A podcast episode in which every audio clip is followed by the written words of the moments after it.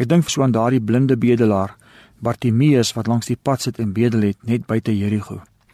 Ons lees daarvan in Markus 10 vanaf vers 46 tot vers 52. Ons lees dat die Here Jesus en sy disippels en 'n aansienlike skare op dieselfde pad uit Jerigo uitgaan. Bartimeus het gehoor dat dit Jesus was wat verbygaan. Hierdie blinde man moes redelik bekend gewees het in Jerigo. Vandaar dat Markus sy naam noem. Hy roep toe uit dat Jesus hom barmhartig moet wees, soveel so dat baie mense hom bestraf en sê hy moet stil bly. Hy het hom natuurlik nie aan hulle gesteer nie en al harder uitgeroep en gesê: "Seun van Dawid, Jesus, wees my barmhartig." Jesus gaan staan toe en roep hom, waarop hy vir hom vra: "Wat wil jy hê moet ek vir jou doen?" Hierop maak hy sy versoek aan Jesus bekend met die woorde: "Rabboni, dat ek mag sien." Jesus sê te vir hom: "Omdat jy vasgeglo het, het jy gesond geword." Die man het dadelik gesien en Jesus gevolg.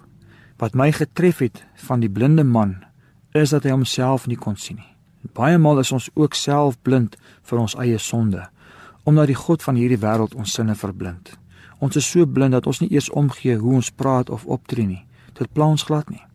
Soveel so dat ons gewete totaal onaktief raak. Ons oë is blind vir geestelike dinge en die gevolg daarvan is dat ons geestelik verarm. Blinde mense kan ook ander mense nie sien nie. Hulle oë is ook nie in staat om te sien hoe geestelik ander mense is nie.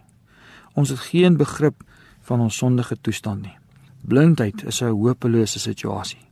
Daar is selfs vandag in die moderne tyd waarin ons lewe nie maniere om blinde mense te laat sien nie. Hulle het 'n wonderwerk nodig. 'n Man sal nie bedel voor hy van sy armoede bewus raak nie. Hy sal nie die Here Jesus om genade smeek alvorens hy nie besef hoe hopeloos sy situasie is nie. Hy sal moet besef hy kan homself nie help nie.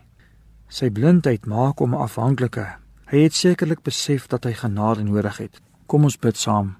Dierbare Here, wil U nie vandag asseblief by ons kom stil staan en ons oë open sodat ons U kan raak sien nie. Ons vra dit in die wondernaam. Amen.